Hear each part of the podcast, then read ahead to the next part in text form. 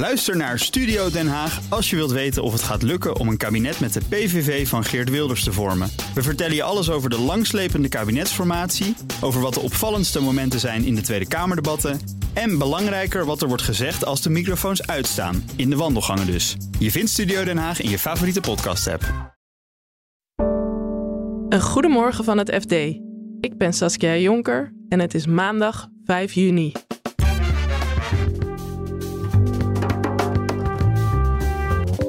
Grote verzekeraars zeggen klimaatafspraken op.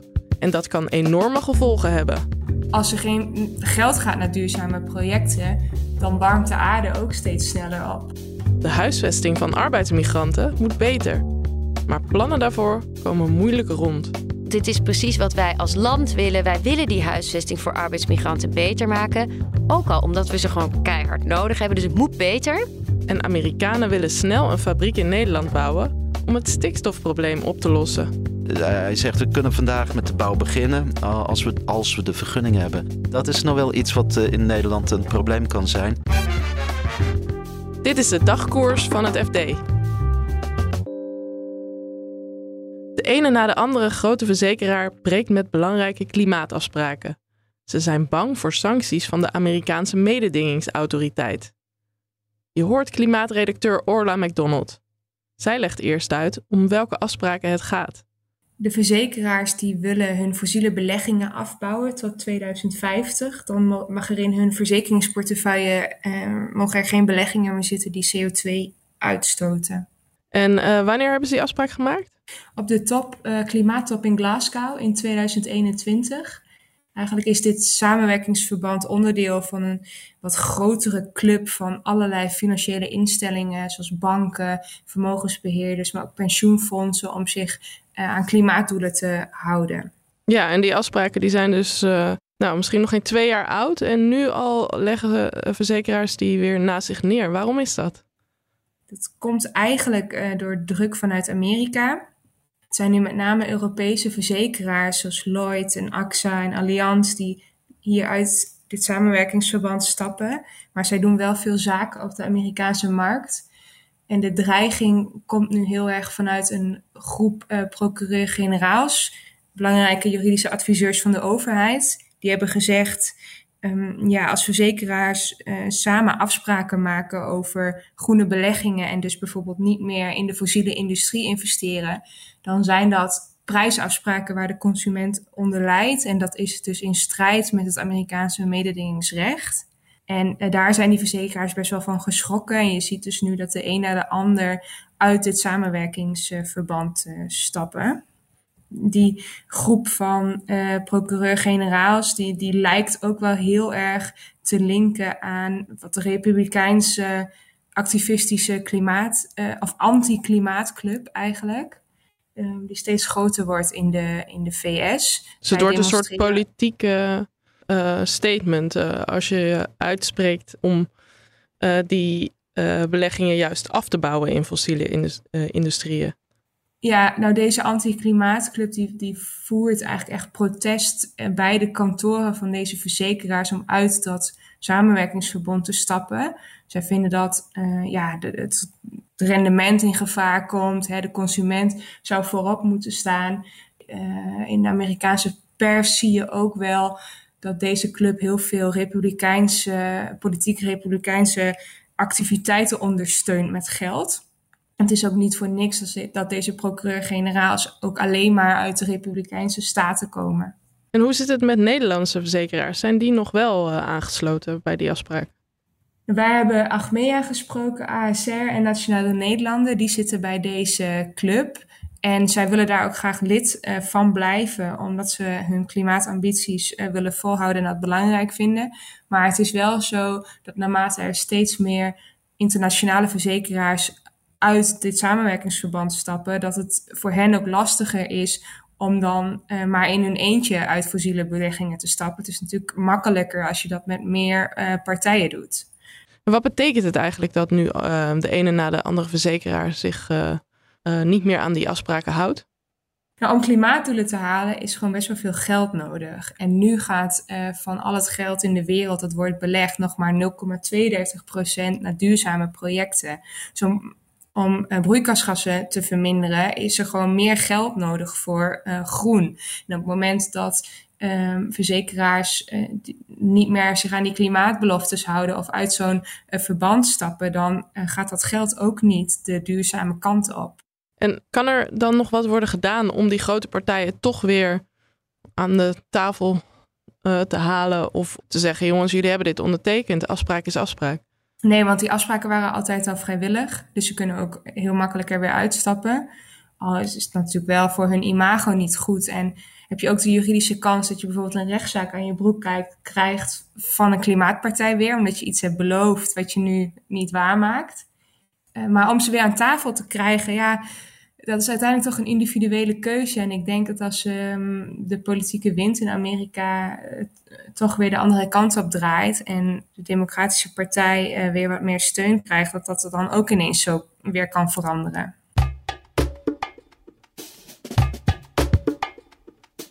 Veel gemeenten en ondernemers zijn het erover eens. De huisvesting voor arbeidsmigranten moet beter. Toch komen de gemaakte plannen niet of nauwelijks van de grond. Redacteur arbeidsmarkt Elfanie Toulaar vertelt hoe die woningen voor arbeidsmigranten er nu uitzien. Vaak zie je dat die huisvesting een beetje het ondergeschoven kindje is.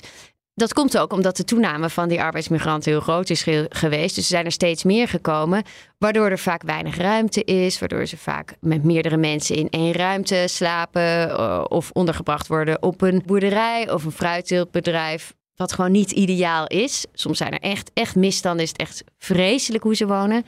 Ben ik wel eens in Den Haag geweest bijvoorbeeld. Dan zie je dat ze in kleine hokjes met afgeplakte ramen een beetje worden gestopt. Met z'n allen weggestopt, ja. Ja, en dan uh, als je een beetje privacy wil, nou, dan ga je maar lekker hangen op straat. En ondernemers, dus de bedrijven die arbeidsmigranten inzetten, en gemeenten die willen dat dat anders gaat. Wat is hun ideaalplaatje? Nou ja, moet ook anders. Uh, Emiel Roemer, de oud-SP-leider, die heeft uh, in 2020 onderzoek gedaan, deze, al deze misstanden in kaart gebracht. En sindsdien is de mening van veel uh, grote uitzendbureaus, uh, gemeenten en ook het Rijk van ja, deze mensen moeten niet als tweederangs burgers worden behandeld. Ze moeten bijvoorbeeld allemaal een uh, eigen kamer kunnen hebben. En ze moeten bijvoorbeeld als ze weggaan bij een werkgever of ontslagen worden of de opdrachten op de af nog heel even in hun huis kunnen blijven. Want nu was het dus vaak zo dat ze dan van de ene op de andere dag ook op straat stonden. En jij bent gaan kijken op een plek waar dat heel anders gebeurt dan nu dus vaak het geval is. Hoe zag dat eruit? Nou, ik ben in Wijk en Aalburg geweest. Dat is gemeente Altena, een beetje onder Zaltbommel. En daar worden nu appartementen gebouwd voor in totaal 132 arbeidsmigranten op een nieuwe manier. Ja, het is nog niet af, maar het zijn dus een soort appartementen in een vierkant uh, gebouwd. Een soort gezellige pleintje in het midden. En uh, er was één showmodelhuisje ingericht. Gewoon gezellig, met een uh, bureautje, voldoende ruimte, een goede eettafel. Dat je denkt, nou, als ik in het buitenland zou werken, zou ik daar misschien ook wel willen wonen. En dit is dus een van die projecten in Wijk en Aalburg. De eigenaar van dat project die wil ook elders in Geldermalsen zo'nzelfde soort project uh, opzetten. Klopt, ja. Hoe loopt dat? Het gaat niet altijd makkelijk, nee.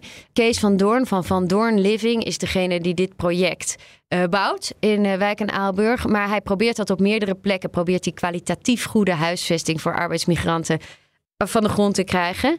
Er zijn hele mooie plannen voor zo'n project in Geldermalsen, maar daar lukt het dus gewoon niet. De gemeente is voor, ondernemers zijn voor.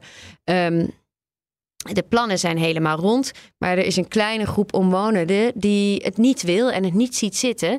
En die um, heel luid zijn in hun verzet. En dat eh, kan dus er echt voor zorgen dat het plan dus voor die betere huisvesting uh, in een labeland. Je kan er natuurlijk als omwonende heel erg tegen zijn, maar kan je het ook tegenhouden? Hoe, hoe pakken zij dat dan aan? Of is de gemeente vooral bang voor hun reactie hierop? Goeie vraag, dat zie je dus vaak. Dat verschilt dus heel erg per gemeente. Uh, deze Van Doorn vertelde bijvoorbeeld over een project in Tiel, wat helemaal is mislukt uit angst van de gemeente voor die weerstand van de bewoners, die ja. gewoon woest waren. Ook al was het een goed plan, vond de gemeente eigenlijk zelf. In Geldermalsen is het nog niet zo ver. Er gaat in september de gemeenteraad stemmen over het plan. Stel dat het wordt aangenomen. Stel het wordt aangenomen, het lijkt, daar lijkt het op, dan kunnen die uh, bewoners bezwaren in gaan dienen en dan naar de rechter stappen. Ja, die kunnen dat uitvechten tot de Raad van State. En als de rechter ze gelijk geeft, ja, dan is het natuurlijk sowieso van tafel. Ja. Uh, dus heeft die gemeente er nog een beetje vertrouwen in?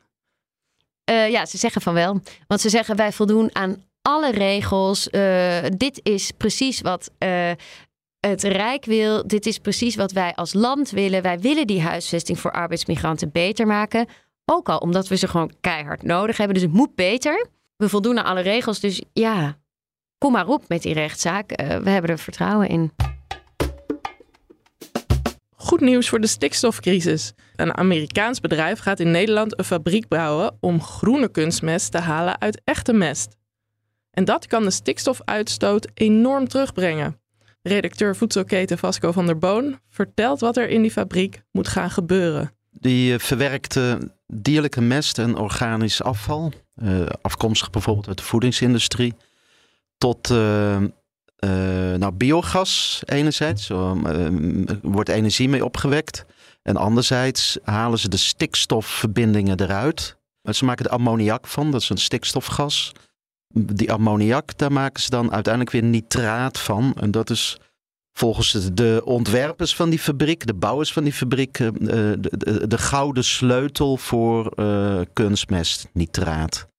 Dat is in essentie wat ze doen. Ja, dus ze maken eigenlijk van dierlijke resten en dierlijke mest kunstmest. Ja, die kunnen ze klimaatneutraal maken. Ja, dat klinkt eh, goed. Bij de industriële, ja, dat klinkt hartstikke goed. Ja. En uh, bij de industriële productie van uh, kunstmest, in, in de, de, reguliere fabrieken, er komt heel veel ehm, CO2 bij vrij, broeikasgas.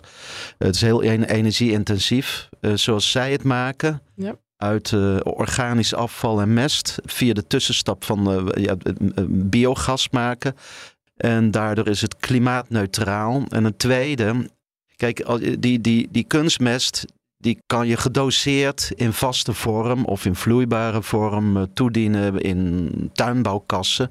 En dat is heel anders dan wanneer je mest, dierlijke mest, uh, verspreidt over het land. Ja, de traditionele mest, als je die verspreidt over het land, komt er heel veel ammoniak vrij. En dat is een schadelijk gas. Ja. Daar, we, uh, daar is die hele stikstofcrisis. Uh, dat is een groot deel van de stikstofcrisis draait daarom. Ja. Dus dit klinkt als de oplossing ook voor de stikstofcrisis. Nou, Pure Green, het Amerikaanse bedrijf dat dit, deze fabriek gaat bouwen, die zeggen dat het een oplossing is voor de stikstofcrisis. Dan zou het een derde van de stikstofdepositie in Nederland kunnen verminderen, claimt Pure Green. Je kan er ook op af. Ja, zijn er ook tegenstanders? Er, er zijn tegenstanders. Uh, kijk, het is een technologische oplossing. Ja. En een deel van de milieuorganisaties uh, zegt: ja, het enige wat je kan doen is minder vee.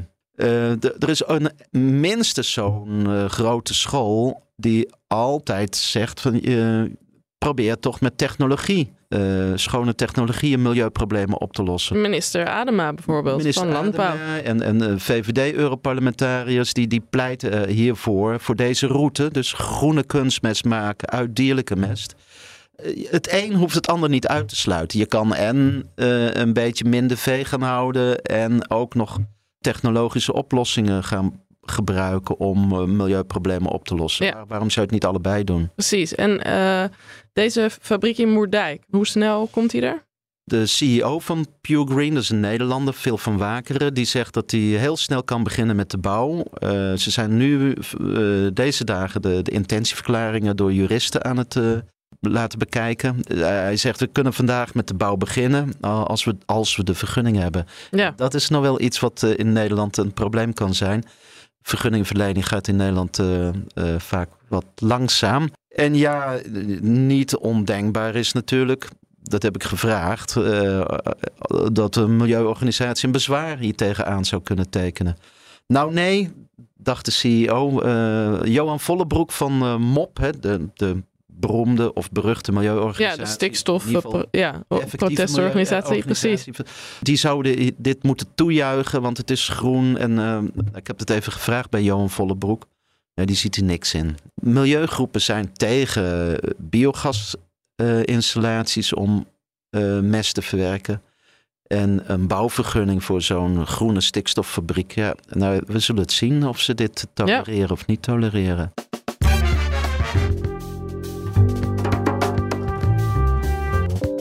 Dit was de dagkoers van het FD. Morgen zijn we er weer met een nieuwe aflevering. En ondertussen lees je het laatste financieel-economische nieuws in onze app. Voor nu een hele fijne dag en graag tot morgen.